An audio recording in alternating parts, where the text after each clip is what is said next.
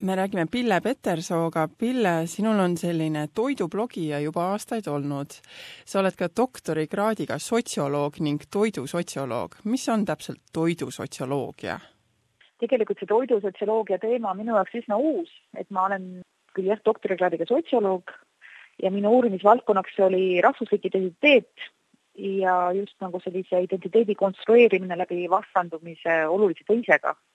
ja ma tegin oma doktoritööd äh, Šotimaa näitel, kus ma doktorikraadi tegin. aga see toiduhuvi on olnud niivõrd suur ja see akadeemiline pool, et ma olen üritanud neid nüüd siin viimasel ajal natukene ühendada. et niivõrd äh, vähe, kui mul üldse kolme väikse lapse kõrvalt äh, jääb üldse aega tegeleda sellise akadeemilise poolega. see toidusotsioloogia iseenesest vaatabki toidu rolli ühiskonnas, et kuidas noh, toidud, läheneb nagu toiduteemadele sotsiolo-, sotsioloogi vaatenurgast, et me kõik ju sööme igapäevaselt ja seda teemat ei ole nagu üldse oluliseks peetud, kuna see on, on niivõrd elementaarne. aga tegelikult see, et mida me sööme, kuidas me sööme, kellega me sööme ja miks me sööme, et seal on tegelikult väga palju põnevaid selliseid faktoreid, mis seda mõjutavad ja siis toidusotsioloog ongi hakanud seda, seda lähemalt uurima kas sa keskendud siis eestlaste toidusotsioloogiale või üldiselt kogu maailma rahvaste omale? Kui ma nüüd Tallinna Ülikoolis seda kursust lugesin, ma ikka vaatasin erinevaid näiteid kogu maailmast. me käsitlesime natuke toidu ajaloolisi aspekte, et oli häid näiteid tuua mujalt maailmast. ja muidu ka, et kui sa räägid toidust, et kui, kuivõrd erinev on näiteks toitumiskultuur ja söömiskultuur Prantsusmaal või Ameerika Ühendriikides või Suurbritannias või Eestis, et tegelikult selline mitmekülgsem lähenemine, et ei ole ainult Eesti keskne kas võib siis öelda, et toidusotsioloogial ja toidul on ka osa rahvusidentiteedist, nagu sinu eelmise doktorikraadiga seoses? jah, et ma tahaks küll arvata, et on, on palju seoseid, et just äh, kas või selles mõttes, kui ma toon näiteks paralleele, et äh, eestlaste jaoks meie rahvuslik identiteet on väga keelekeskne. Et kui äh, mõeldakse eestluse peale, siis väga tihti nagu lähtutakse just sellest keelest, et eestlastel näiteks on väga raske aru saada, et maailmas on olemas rahvaid,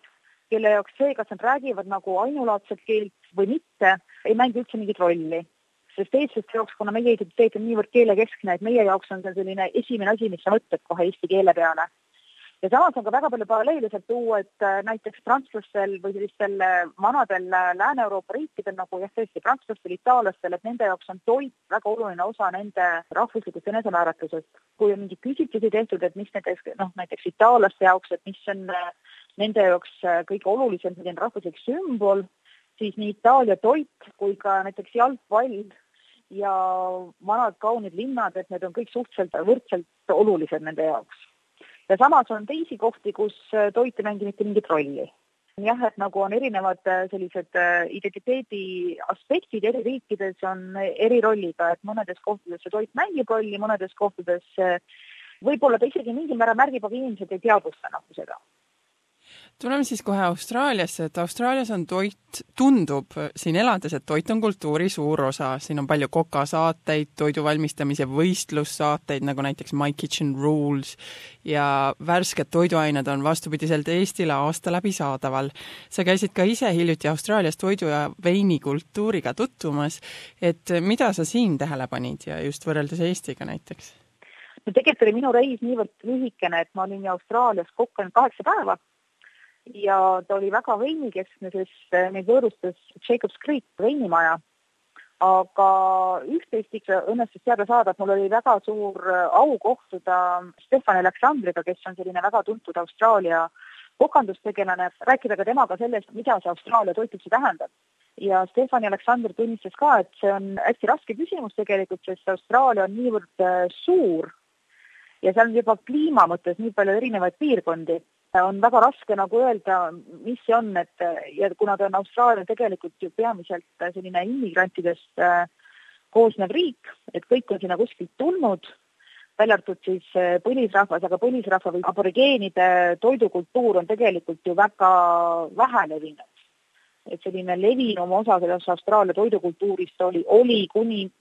veel paarkümmend aastat tagasi peamiselt Briti mõjutustega et see on nüüd paarkümmend viimast aastat, kui siis on tulnud just Aasia riikide mõjutus hästi palju ja nüüdseks on jah, nagu nii palju, kui mulle mulje jäi, on selline väga mitmekülgne, väga paljud rahvusrühmad, mis on seda toitu, Austraalia toidukultuuri rikastanud, et selline nüüd nagu kajastab rohkem sellist Austraalia tegelikku rahvuskoosseisu miks sinu arvates on toidu valmistamise protsess ja toidu tegemine ja siis söömine nii paljudele inimestele niivõrd tähtis, et kas selline suur toidule keskendumine ei soodusta hoopis ülesöömist, liigsöömist, kehakaalu probleeme, nagu läänemaailmas on aina kasvavad terviseprobleemid? no pigem on see seos võib-olla vastupidine, et, et sellist väga süsivesikute ja rasvarikast sellist odavamat toitu tihti söövad inimesed, kellel on võib-olla nagu madalam sissetulek ja vähem aega mõelda toidu kui sellise peale, et süüakse seda, mis on kõige kättesaadavam, mis on kõige odavam ja mis tihti ei ole sugugi kõige tervislikum.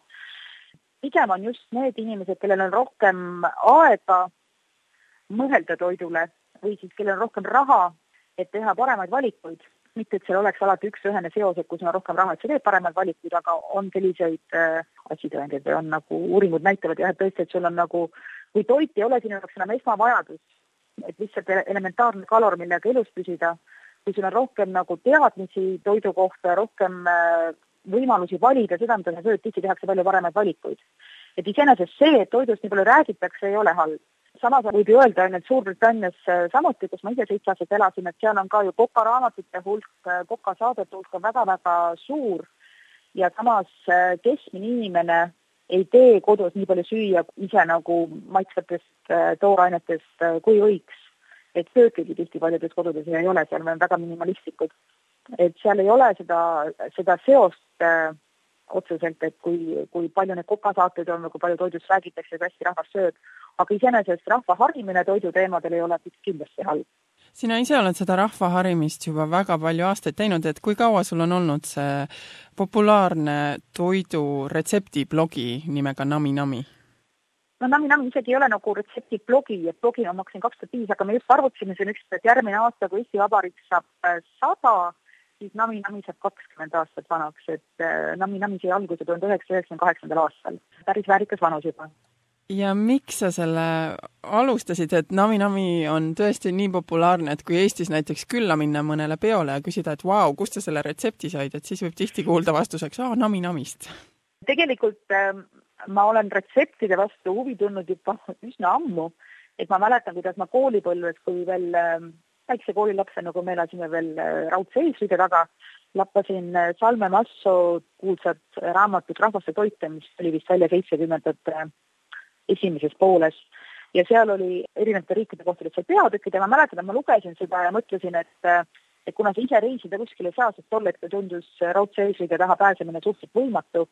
et siis lugesid, mida süüakse Aafrika riikides ja mida süüakse Austraalias ja mida süüakse Prantsusmaal ja mida süüakse Norras ja see oli nii kohutavalt põnev, et mul äh, isa oli äh, endine meremees ja käinud nii Aafrikas kui ka Jaapanis, Suurbritannias ja see tundus niivõrd äh, põnev, et ma üritasin natuke nagu läbi Koka raamatu seda teekonda taastada. Ja ma hakkasin retsepte välja lõikama ajakirjadest ja kõrvale panema. Ja üheksakümne teisel aastal ma läksin Taani vahetusõpilaseks ja see oli just siis, kui Eestis oli poes saada umbes kolmeliitristes purkides äh, soolatilli ja, ja margariini, et see oli umbes kõik äh, pärast äh, Nõukogude Liidu lagunemist. et ma läksin Taani ja seal inimesed sõid ja tehti lasanjet ja lahtisi tirukaid või kuulsaid kiše. et oli esimene esmakohtumine selliste väga põnevate ja eestlase, keskmise eestlase jaoks suhteliselt uudsete toitudega. et ma hakkasin siis, tõin Taanist ka väga palju ajakirju kaasa, hakkasin tegema endale sellist kartoteeki perhokaartidele, kus siis ma reastasin retsepte alfabeetiliselt, et põnevaid retsepte, mida proovida tahaks ja mida ma proovinud olen, et oleks hea üles leida. ja mingil hetkel enam ei olnud äh, võimalik seda nagu kartutegi karpi kaasas tassida ja siis äh, panime selle retsepti kogu nagu internetti. jah, ja sealt see saigi nagu alguse, et oli alguses mõeldud tegelikult ainult minu isiklikuks äh, tarbimiseks ja siis ma jagasin sõpradega ja kuidagimoodi järsku avastasin, et internetis erinevates foorumites soovitatakse retseptide raminamist, et, et ta levis kuidagi sedasi.